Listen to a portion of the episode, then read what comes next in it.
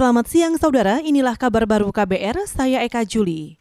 Pemerintah akan mulai mencairkan gaji ke-13 bagi pegawai negeri sipil, TNI, Polri, dan pensiunan pada hari ini. Menteri Keuangan Sri Mulyani menerbitkan peraturan Menteri Keuangan mengenai petunjuk teknis pencairan gaji ke-13 pada 7 Agustus lalu. Dalam aturan itu, pencairan gaji ke-13 yang bersumber dari APBN akan ditujukan bagi 16 jenis abdi negara. Di antaranya PNS, anggota TNI, anggota Polri, pegawai non-PNS di lembaga pemerintahan, penerima pensiun, hingga calon PNS. Kita ke Kalimantan Timur.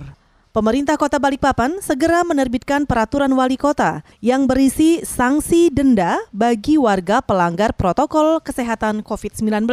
Wali Kota Balikpapan Rizal Effendi mengatakan, Peraturan itu ditujukan baik bagi warga maupun dunia usaha, termasuk perusahaan yang tidak patuh melaksanakan protokol kesehatan. Sanksi antara lain denda Rp100.000 bagi warga yang tidak mengenakan masker atau sanksi lain menyumbang 10 masker dan menyapu jalan. Bagi KPKP akan didenda perusahaan antara 1 sampai 5 juta rupiah kalau tidak melaksanakan protokol kesehatan. Wali Kota Balikpapan Rizal Effendi juga menambahkan, peraturan wali kota itu dikeluarkan mengacu pada instruksi presiden yang meminta daerah membuat sanksi bagi setiap pelanggaran protokol kesehatan. Hingga akhir pekan kemarin, jumlah kasus positif COVID-19 di Balikpapan mencapai 720 orang. Sedangkan di Kalimantan Timur, total kasus positif mencapai lebih dari 1.800 orang.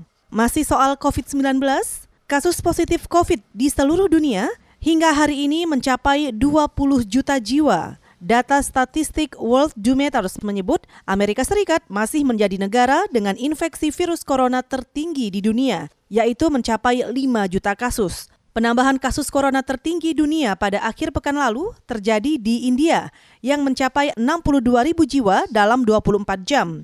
Mengutip data World Dometers, tiga negara dengan kasus COVID tertinggi di dunia adalah Amerika Serikat, Brasil, dan India.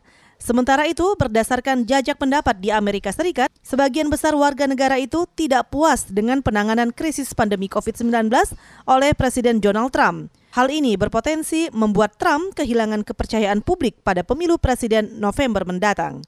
Menanggapi hal itu, Trump menandatangani kebijakan eksekutif untuk memperpanjang bantuan keuangan bagi warga Amerika Serikat yang terdampak pandemi.